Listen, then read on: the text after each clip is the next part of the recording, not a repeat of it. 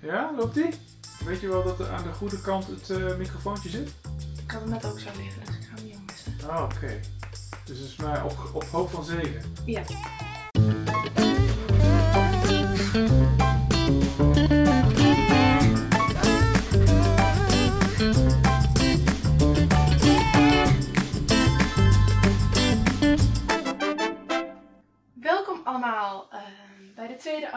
Aflevering van het tweede seizoen van de Geens podcast. Eh, met Aukje en met Jouw woord. je bent hier beter in dan ik. Ehm, vandaag gaan we het hebben over journalistiek. Ehm, wat echt een super interessant onderwerp is en wat mij persoonlijk ook heel erg aanspreekt. Waarom, waar- waarom spreek ik jou dat zo aan? Wil Nou, dat je wilde ik net wil vertellen. je pap. later journalistje worden? Ik eh, ben natuurlijk al een klein beetje aan het oriënteren op eh, wat ik na mijn studie zou willen doen. En ehm, nou, in de vorige aflevering heb ik kort uitgelegd wat mijn studie Liberal Arts and Sciences inhoudt. En ik word eigenlijk heel erg breed opgeleid. Wel een beetje tot momenteel tot geschiedkundige historicus. Maar ik- ga straks ook eh, een minor postcolonial studies doen. En ik heb allemaal andere random vakken.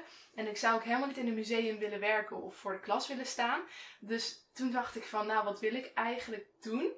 En eh, ik, heb, eh, ik heb gemerkt dat al dat schrijven van die essays en van die papers, dat dat mij toch wel heel erg aanspreekt. Zeker als ik mijn eigen mening er een beetje in mag Nou, verwerken. gaat je goed af. Ja. En zeker als ik het een beetje activistisch mag maken.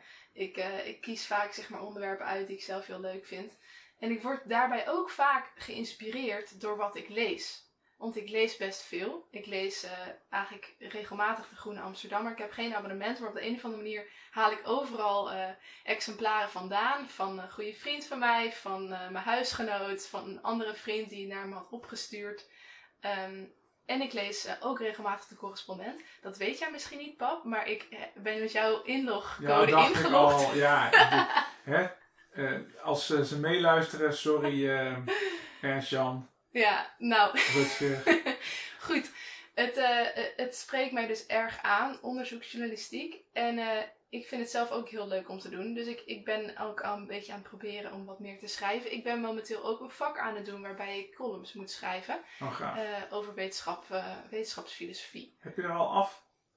Eh, nee, maar ik ga er vanavond eentje schrijven. Oh, Je mag oké. er wel even naar kijken. Leuk. Zetten we op, eh, op de wiki van de podcast. Ja, nou, oké. Ehm, maar goed, wat is jouw eh, relatie met, met journalistiek, pap? Ehm haat-liefde, zou ik zeggen. Ik heb heel lang al mijn nieuws-apps uitgehad op de telefoon. En toen beperkte ik me enorm tot nou, een aantal eh, media, zoals ja, Trouw, wat wij dan hier thuis lezen, en de Ja. correspondent. Maar tegenwoordig kijk ik toch wel wat vaker op de nieuws-apps. En ja, journalisme, ik vind het een, ik vind het een heel belangrijke, ehm, ja, belangrijke eh, tegenkracht, maatschappelijke kracht eh, Mhm. in de wereld. Zeker weten. En, en nou goed, daar hebben we het zo direct ook wel even over. Ik, eh, ik heb er wel een haat-liefde verhouding mee, omdat ik ook enorm de ver, ver, pulping eh, van, van de journalistiek heb meegemaakt de afgelopen 30 jaar. En journalisme is gewoon niet meer wat het geweest is. zeg ik als 50 jaar. Als oude lul. Ja, ik denk dat wij vroeger lazen we dan thuis de Volkskrant eh, Vrij Nederland. En dan had je de programma's zoals eh, Achter het Nieuws. Eh, dat was dan het journalistieke programma op de televisie. Ja, je had Nova, wat dan nu Nieuwsuur is. Het werd echt wel diepgaandere journalistiek bedreven. Ja. En, en de echte, laten we zeggen, hapklare eh, one-line journalistiek, die, die bestond eigenlijk Nee. niet 30 jaar En dat geleden. heb je nu eigenlijk En vooral dat is eigenlijk wat het nu is, ja. Ja, op de NOS-app en op de nu.nl eh, website. Hey, ik hoor jou nou net journalisme en journalistiek door elkaar gebruiken. Wat, mij, wat is eigenlijk het goede woord? En, Ik zou niet weten, ik heb het niet voor doorgeleerd. nee, Wat vind jij het be Nou, ik, volgens mij is journalisme geen Nederlands, maar misschien ook wel. Journalisme. Ik gebruik nog wat is journalistiek. Journalism. Nou, weet je, luisteraar, als jij hier het antwoord op weet, stuur ons eventjes een appje ja, of een eh, journalistiek reactie. zeggen. Ik denk journalism zal wel gewoon Engels zijn. Ja. Ik denk een, een verengelsing inderdaad. Eh, maar goh, ja, wat leuk. En ik denk dat we het zo wel kunnen hebben over die nieuwsmedia en, en de rol die dat eh, die dat heeft voor het publiek debat, als uh, de wat meer opinierende media. Want je ziet natuurlijk nu wel een tegenbeweging ontstaan, ook met zo'n platform zoals de correspondent. Wat eigenlijk specifiek gericht is op wat meer diepgravende uh, journalistiek, op, op echt verhalen neerzetten die niet uh, gebonden zijn aan de actualiteit. Natuurlijk wel soms een klein beetje, maar uh, ja, dan gaat het ook niet meer over nieuws, maar dan gaat het over nieuwe inzichten opdoen. Mm -hmm. Ja, want die nieuwsmedia die zijn natuurlijk best wel ook uh, belangrijk voor het vormen van, de, van het publieke debat en, en, uh, en de publieke opinie. Um, en ik denk dat er misschien wel een heel sprekend voorbeeld daaruit kan zijn van uh, als we met Extinction Rebellion, hebben we het in de vorige aflevering over gehad, of met, een, met politieke jongerenorganisaties, als wij een, een of andere actie doen, dan heb je zoiets als een persbericht. Dat schrijf je dan en dat stuur je dan op naar een aantal e-mailadressen van bepaalde lokale media, kranten en websites. En dan hoop je dat het gepubliceerd wordt. En vaak nemen ze gewoon jouw artikel bijna helemaal over. Behalve dan dat ze bijvoorbeeld uh, dwars, wat wordt geschreven als volledige hoofdletters, dan uh, veranderen naar een hoofdletter en dan kleine letters, waardoor wij super gefrustreerd zijn. Um, ik heb laatst voor het eerst zo'n uh, persbericht geschreven, want wij hadden met de klimaatnoodtoestand. Um, in januari deden we een actie dat we een pamflet hadden geschreven dat ging overhandigen aan de wethouder. Samen met de jongere vereniging van de PvdA, SP. Uh. Met een grote banner op de, bom, op de Domtoren. Ja, nou dat was dus de Extinction Rebellion actie. Maar wat denk je dat de, dat de rol is van op dat moment van die lokale kranten en van, en van ook de NOS als het gaat over een groot protest op het Malieveld? Wat daarvan de rol is en of dat nou echt ja, of dat een positieve of een negatieve invloed heeft op wat wij eigenlijk voor acties uh, creëren. Ja, ik moet even goed nadenken, want de, wat is de onderliggende vraag? Kijk, uh, als ik even het landschap kijk, hè, het nieuwslandschap. Ja. Um, vroeger had je regionale kranten, je had lokale kranten. Dus je mm -hmm. had echt journalistiek wat best wel geworteld was in de samenleving. Daarnaast had je natuurlijk landelijke kranten eh, die vooral vanuit bepaalde zuiden kwamen. Hè, wat meer rechtsgeoriënteerde kranten, het AD, uh, Telegraaf en wat meer progressievere kranten, mm -hmm. en meer economische kranten, NRC. Um, en eigenlijk uh, is dat de afgelopen 30 jaar volledig uitgehold. Je hebt bijna geen echte lokale kranten meer. De Stentor uh, voor het oosten, nou oké, okay, de Gelderlander. in het noorden heb je het, het de Le Leeuwarden, Leeuwarden Courant. Uh, Noord-Holland Dagblad. Maar eigenlijk is echt lokaal journalistiek werk is, is er niet meer. Hier in Wageningen, nou ja, je hebt eigenlijk uh, je hebt een lokaal krantje, dat is gewoon van de persgroep. Uh, en uh, het enige wat die doen zijn eigenlijk gewoon advertenties ophalen. Mm -hmm. En als ik dus iets wil plaatsen, want ik ben natuurlijk ook een beetje actief in de samenleving hier, over, we hebben een repair café gestart. Of we zijn corona-hulp Wageningen gestart. Ik schrijf ja. een persbericht, wordt gewoon altijd volledig overgenomen. overgenomen. Je zet erin een leuk citaat van jou of van gene. Ja, precies. Jou of van gene zegt. Het is wel belangrijk dat het Repair Café er is. En uh, goh, we zijn nu ook open uh, met thuisreparaties. Weet je, alsof het een soort van uh, hè, interview, interview is. Was. Ja, dat was en ze nemen het gewoon over. Dus er is ook niet echt meer. Er is ook helemaal geen tijd voor, voor, voor, ja, voor echte journalisten uh, om in Wageningen uh, na te gaan van wat zijn nu echt de verhalen. Oké. Okay. Dus maar los daarvan bereikt dit verhaal, wat dan misschien wel heel erg um, gestuurd wordt door de, door de maker, door zeg maar de, de actiegroep of, of het Repaircafé, dat bereikt wel de lezer. Nou ja, en, wie leest dat tegenwoordig natuurlijk lokale kranten, dus ook een bepaalde leeftijdsgroep. Ja. En daarmee heb je natuurlijk eigenlijk ook meteen te pakken hoe nieuws ontstaat en wordt uh, nou ja, verspreid, vooral ook via sociale media. Hè? Dus ja. dat je, ik bedoel, uh, als ik via het Repair Café uh, een nieuwsbericht de wereld in doe via de krant, komt het mm erin staan. Maar via Facebook uh, kan ik met 10 euro kan ik 2000 mensen bereiken uit onze doelgroep. Waardoor we iedere week 10 aanvragen krijgen voor reparaties. dus, en dus de vraag van, is dat dan nieuws? Dat is ook een soort van marketing van onze service als Repair Café. Maar ik heb wel het gevoel dat er dat op zo'n manier ook wel activisten en gewoon eigenlijk is het een soort van beïnvloeding wat je probeert te doen. Mm -hmm. Ja, zo aan het werk zijn. Je bent eigenlijk probeert alle kanalen om mensen te bereiken. Ja, precies. En die probeer jij met, met, met jouw boodschap. Ja. En de filter die eigenlijk de journalist zou moeten zijn. Hè, dus de, en dat Facebook dus helemaal niet is. Want er is helemaal geen filter op Facebook eigenlijk. Mm -hmm. Behalve dan voor, uh, nou ja, uiterst rechtse dingen en onthoofdingen. Uh, en dat doen ze En ook niet naast. eens. Hè? dat doen ze ook al niet zo heel erg goed. Ehm, ja, dus de, de, de filter, de duiding, de interpretatie, ja, die, waarvan ik denk dat is eigenlijk wat journalistiek is. Ja, Eh, op zoek gaan naar verhalen, op zoek gaan naar, eh, naar duiding, is natuurlijk heel erg ehm, ja, moeilijk en duur, zou je Ja. kunnen zeggen. Nou ja, ik vind het wel heel interessant dat je dit zegt. Aan de ene kant herken ik het wel. De, de krant waar ik het overigens nu vooral over heb is ook AD Utrecht. Want dat is wat ik nu vaak eh, tegenkom. Er Nu wordt veel gelezen in. Utrecht. En, eh, Precies. ja, en, eh, en, je hebt een vrij, vrij, eh, vrij kleine redactie natuurlijk. Ja. Een landelijke redactie met AD en hebben ze een lokale redactie. Nou ja, hoeveel mensen zouden daar werken? Eh ja, ik weet niet. durf niet Maar, te schatten, tien misschien. Weet je, aan de ene kant denk ik dat je heel erg gelijk hebt met dat het eh, tegenwoordig dat er niet heel veel tijd meer overheen gaat en dat er vooral dingen toe worden gestuurd naar dit soort redacties. Aan de andere kant, je noemde net eventjes de actie met de Dom. Ehm, daar is toen ook een persbericht over gekomen. Extinction Rebellion eh, groepje had een enorme banner met Nijntje en met eh, klimaatcrisis op de Dom gehangen. Ehm, die hebben dus toen een persbericht uitgebracht, maar volgens mij iets van twee of drie weken later is er ook een uit- uitgebreid interview op de voorkant eh, van het AD Utrecht gekomen. Ehm, wat volgens mij niet op initiatief was van die groep zelf, maar gewoon eh, echt een wat inhoudelijker interview van waarom hebben jullie dit gedaan, Eh, hoe was dat en ja, ontzettend interessant hoe dat gegaan is. Hm. Ehm, dus ik denk dat het in die zin niet zo verschraald is en dat er wel zeker nog mogelijkheden zijn. Maar los eventjes van, ehm, van, de, van, van de journalistiek en, en of, of er nog wel goede mensen daar aan die redactie werken.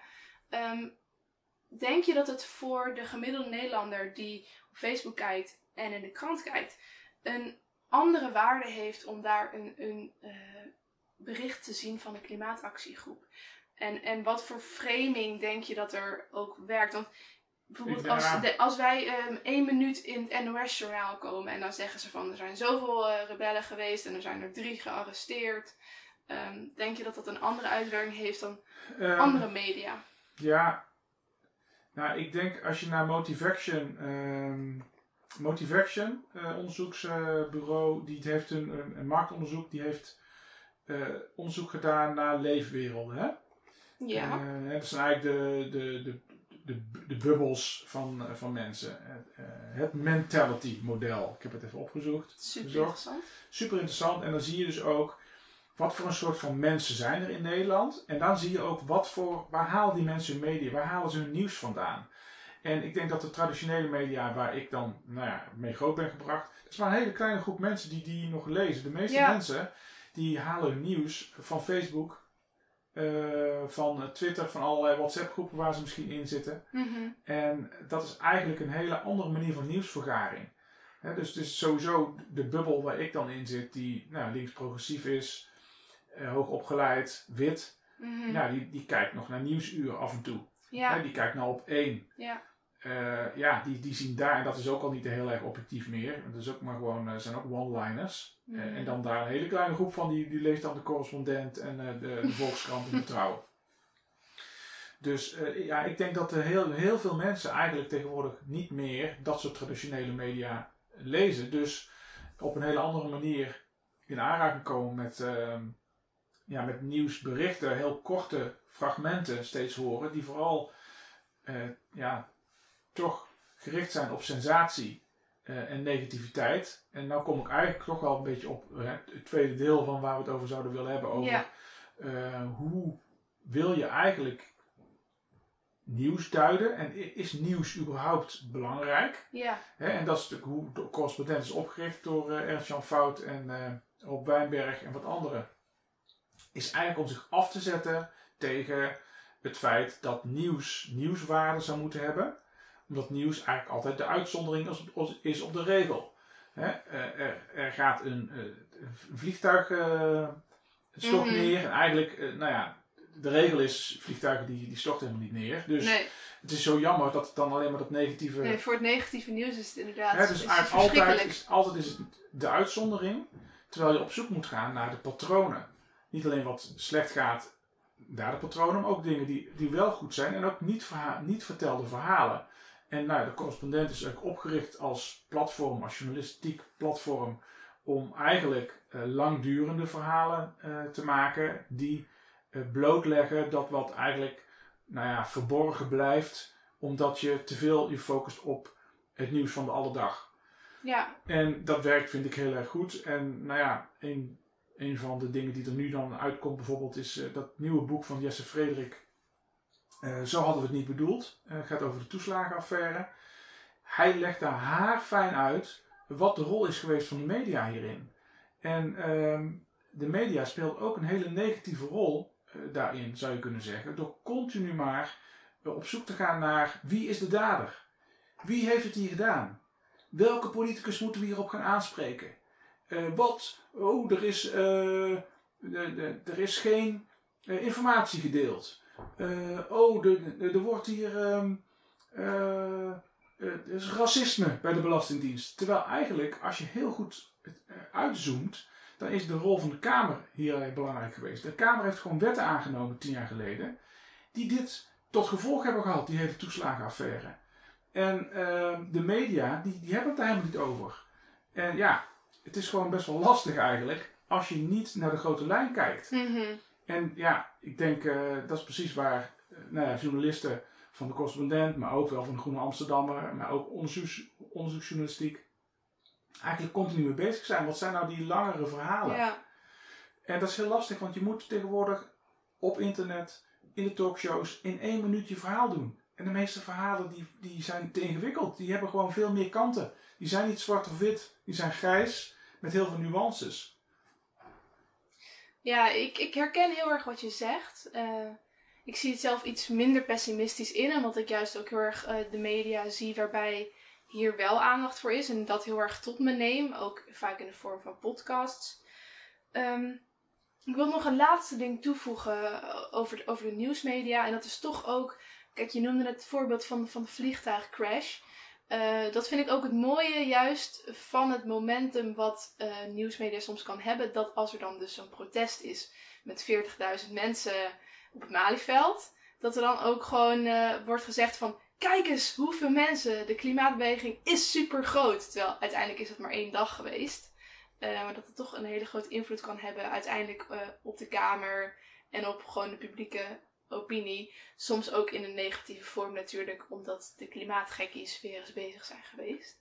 Ja, um, interessant. Ja, want wij, ja. Uh, wij die een verhaal willen vertellen, uh, moeten dat ook doen via de megafoon van de NOS, van nu.nl. Want dat is de enige manier om nog aandacht te krijgen. Ja. En, en hoe gekker, hoe beter bijna tegenwoordig. Want anders komen we er niet meer doorheen. Ja.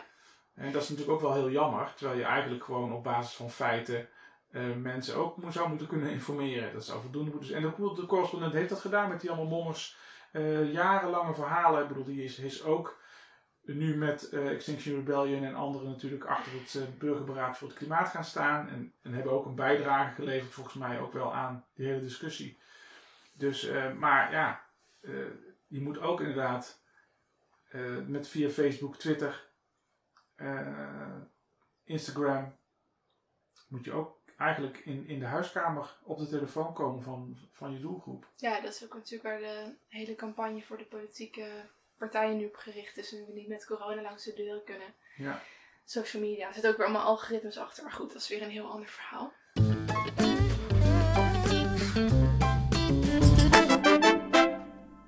Ja, wat is de waarde van opinierende media en onderzoeksjournalistiek voor jou? Ja, ik heb hier uh, een superleuke anekdote over. Want ik ben dus eigenlijk vrij recent uh, begonnen met lezen van de Groene Amsterdammer. Ik, vond, uh, ik las altijd wel stukken online, maar ik had zeg maar nooit het, de hele krant. Um, ontzettend leuk blad natuurlijk om te lezen. Wel ontzettend links ook. Echt, het, het, ja, dat, dat, dat druipt er gewoon vanaf. Het is wel een beetje de Amsterdamse bubbel daar ook, toch? Ja, maar goed, ik vind het dan niet erg. En voor mijn gevoel uh, kijk, ik kan dan best wel goed onderscheiden, denk ik dan altijd, um, wat, wat een column is, wat echt een, een politieke mening is en wat een iets langer uitgebreider stuk is, waarbij ze daadwerkelijk ook heel uitgebreid onderzoek hebben gedaan. Uh, want dat, dat soort stukken staan er ook vaak in. ehm, voor de correspondent geldt natuurlijk ook wel altijd dat er een, toch een soort van zeker links randje overheen zit. Of in elk geval een progressief randje. Ja. Ehm, Daar kom ik zo nog wel even op terug. Dat is wel ja, ja, en ik, ik had dus een vriend van mij en eh, die, die eh, was ook wel geïnteresseerd in eh, onderzoeksjournalistiek. Ik zei, nou, ik lees altijd dit en dit en vind ik hartstikke leuk. Dus ik had, een, ik had een groene bij mij liggen. Ik had hem die groene meegegeven om te lezen. Hij appt mij even later. Aukje, wat een verschrikkelijke indoctrinatie is dit. Waar heb je me eh, mee opgezadeld? Wat, waarom lees je dit? Waarom denk je dat dit objectief nieuws is? Ehm, zou het niet objectief moeten zijn als het nieuws is? Zeker als het onderzoeksjournalistiek is. En dat bracht me eigenlijk eh, bij een best wel interessant vraagstuk. En ik ben heel benieuwd wat jij ervan vindt. Ehm, zou eh, juist onderzoeksjournalistiek niet vaker objectiever moeten zijn? En misschien, als ze dat al proberen te zijn, maar dan toch elke keer weer uitkomen op links en progressief zijn, eh, zegt het dan niet, niet ook iets over ehm, dat wij gelijk hebben? als, links, eh, als links zijn. En dat vind ik ook altijd heel interessant, omdat dus ook, als je kijkt naar universiteiten, eh, dat eigenlijk traditioneel gezien universiteiten altijd best wel links en progressief zijn Ja, geweest. niet en de, het volk wat daar Nee. rondloopt. En wat voor verband ligt daartussen? Nou ja, wat je zelf zegt. Ik denk dat als je goed naar de feiten kijkt. Maar we moeten niet te veel uit de hoogte gaan praten nou, nou, goed, nou, nou, maar eh, wat ik wel interessant vind aan de correspondent ook, is dat, dat zij zeggen: eh, je moet niet denken en ook niet zeggen dat je Mhm. neutraal bent. Nee. Je moet juist jouw eigen eh, vooroordelen is een groot woord, maar je eigen wereldbeeld en je eigen onderliggende veronderstellingen, die moet je expliciet maken in je stukken. En als jij een maatschappelijk vraagstuk bespreekt Mhm. en onderzoekt, dan moet je daarvan eh, nou ja, van de hoed en de rand weten. Maar in principe kan je best een bepaalde richting, een denkrichting aangeven die ook oplossingen geeft. En dus onderzoeksjournalistiek is voor mij niet per se alleen maar eh, totaal neutraal. Als ik kijk naar bijvoorbeeld het onderzoek wat, eh, naar de documentaires van Klasse bijvoorbeeld. Die twee makers eh, die hebben die documentaires gemaakt over het onderwijssysteem het afgelopen jaar. En vier jaar geleden hebben ze die grote reeks over schulden gemaakt. Schuldig, ook enorm populair. En eh, ja, je kan zeggen, is dat neutraal? Nou, ik vind wel dat zij feiten brengen. Ze, eerst brengen ze feiten over eh, hoe ons enorm slechte schuldenproblematiek in Nederland is en de schuldenindustrie.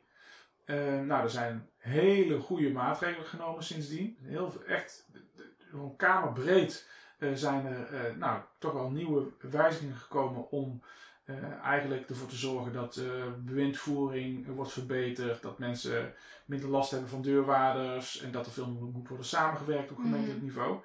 Nou, nu met eh dat stuk over klassen, over de eigenlijk verschillen in toegang tot onderwijs, zou je kunnen zeggen, tussen hogere en lagere sociale klassen, als je dat zo mag zeggen. Ja, het zijn gewoon maatschappelijke vraagstukken die, als je echt naar de feiten kijkt, eh, ja, oplossingen eh, zouden moeten opleveren. En ja, dat kan je dan vaak linkse oplossingen noemen. Maar het zijn vaak gewoon oplossingen die leiden tot meer gelijkheid. Ja, Ja. is meer gelijkheid links? Ja, ja eh, dat zou je kunnen zeggen. een Als je, bepaald uitgangspunt wel. maar ja, ik denk niet dat iemand, dat iemand erop tegen is. Ik bedoel, de liberalen, die vinden ook dat iedereen evenveel gelijke kansen moet krijgen. Ja. Hè? Eh, erfbelasting eh, afschaffen, eh, voor meer of, eh, invoeren, was een, een liberaal standpunt begin van de 20e eeuw. Hè? Want mensen die rijk zijn, ja, die zijn maar bij toeval, of hun kinderen, die Mhm. zouden bij toeval geld erven. Dus moeten we alsjeblieft gewoon iedereen belasten die erf, erfenissen krijgen. Het is een liberaal standpunt. Zogenaamd rechtsstandpunt. Maar eigenlijk gaat het over het herverdelen van geld. Dus ik vind verdelen eh, of gelijkheid vind ik niet per se eh, links. Ik bedoel, ik- ja, ik denk dat het een heel erg humaan eh, standpunt is. Maar goed, dat doet er niet zo heel erg veel toe. Uiteindelijk denk ik dat journalistiek niet per se dus ehm, waardevrij is. Ik denk dat het altijd oplossingsgericht ook zou kunnen zijn. En dat vind ik wel jammer. Ja. Want als je kijkt dat NOS bijvoorbeeld, die zeggen toch wel vaak van nee, we moeten dingen heel objectief brengen, alleen maar eh, dus eh, waardevrij. Ja. Maar dat is ook helemaal niet mogelijk. Want eh, weet je, neutraliteit, objectiviteit, dat is een soort van ideaal waarnaar mensen streven. En wat een lange tijd, dat, dat hoorde ik laatst in een uh, ontzettend leuk YouTube filmpje. Ik weet niet of je Vox kent. Ja. Dat is een uh, heel leuk onderzoeksjournalistiek platform op YouTube. Die ook uh, naar streven om heel toegankelijk ja, wat, wat, wat dieper liggende, ingewikkelde verhalen uh, te vertellen. Um, een hele leuke correspondent daarvan, die eventjes een, een stapje terug nam en even keek naar zijn journalistieke carrière. En die zei eigenlijk van ja, het streven naar objectiviteit, dat is natuurlijk totaal, totale bullshit eigenlijk.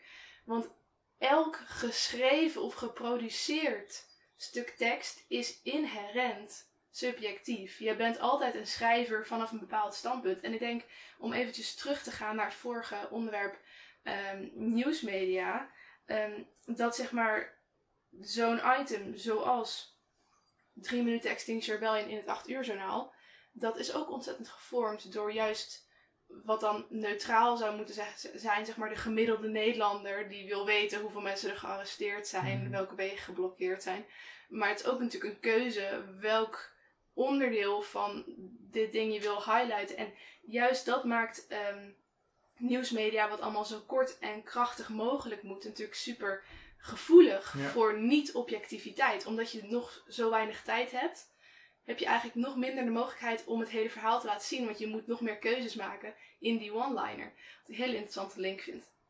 Maar goed, dat, eh, dat, vond, ik, dat vond ik een interessant, eh, interessant filmpje. En ehm, ja, ik denk ook helemaal niet dat, los van of het mogelijk is, dat we zouden moeten streven naar objectiviteit. Juist omdat het ook vormend kan zijn en ons daarin, in onze bubbel, wat je ook zegt, oplossingsgericht stapjes verder kunnen maken. Ook al zou je iets kunnen klassificeren als links, omdat het zich meer focust op gelijk en herverdelen, dan dat het zich focust op economische vrijheden. Ehm, denk ik nog steeds dat het daarom juist van heel veel waarde is, omdat ik me ook bewust laat vormen door linkse media. Ja, en ik denk dat uiteindelijk opinierende media en onderzoeksjournalistiek een belangrijke rol spelen om de dagelijkse media een beetje uit hun patroon te halen Ja. van de waan van de dag. En zeker als je kijkt naar de Haagse media. Het gaat eigenlijk alleen maar over wat staat er in de krant, wie zegt wat daarover, welke politicus reageert daar weer op, wie kunnen we daar dan over pakken. Terwijl het helemaal niet meer gaat over uitgezoomd het grotere onderliggende maatschappelijke thema. Of nou, de ongelijkheid. Of de, de dingen die nou, ja, echt fout zijn eh, gegaan. En eh, nou ja, de, de grotere oplossingen daarvoor. En ja, helaas vind ik dat je zeker in de talkshows eigenlijk te veel hebt over de poppetjes. Ja, En over eh, of Hugo de Jonge wel of niet het goed voor elkaar heeft. Nou, we weten een beetje hoe het RIVM werkt vanuit eh, de binnenkant. Eh, omdat eh, een van onze huisgenoten daar werkt. Die, Hugo de Jonge heeft wel invloed, maar het echte beleid wordt gewoon gemaakt door professionals. En hij heeft maar zoveel. bedoel, hij kan wel bepaalde dingen willen, maar ja, de invloed daarop die is redelijk beperkt. Of beperkt, nou ja. Je moet hem niet verantwoordelijk daarvoor Nee. houden voor alles. Kom op zeg. Maar denk jij dat het vroeger dan nooit ging over poppetjes? Zeker wel, ook. Ging ook over poppetjes. Ja. Ging ook, Het is ook misschien wel van alle tijden dat we het ook gewoon... Weet je, uiteindelijk is politiek ook een beetje een soapshow. En nieuws is niet altijd... eh, ja, Zo is het. Het is een nieuws kijk je ook voor leuk. Je weet zelf Ja. ook... eh Maar je hebt geprobeerd af te kicken van nieuwsmedia is ook omdat het een soort van verslavende werking Zeker. heeft. Het is gewoon ook leuk om dingen te volgen. En soms is het ook wel heel nuttig als er plotseling iets gebeurt in het land of als er weer nieuwe coronamaatregelen zijn. Het is, heeft zeker wel eh, een enige waarde, eh, de nieuwsmedia. Ik ben heel benieuwd wat voor een journalist jij wordt. Nou, ik moet eerst nog maar zien of ik het ga halen in dat wereldje. Want de concurrentie schijnt echt verschrikkelijk te zijn. En eh, weet je, wie, wie weet heb ik over twee jaar wel weer iets heel anders bedacht wat ik wil doen. Dus Nou, ik ben er voorlopig nog wel even aan het studeren. Laten we maar eens luisteren naar Geens, de podcast.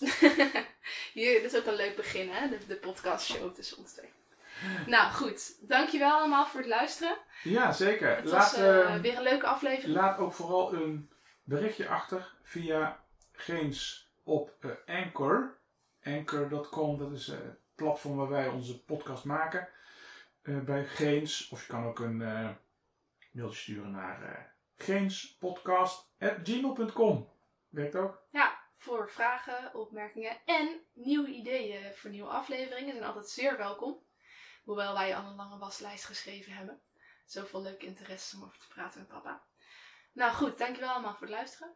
Toedeledokie! Doeg!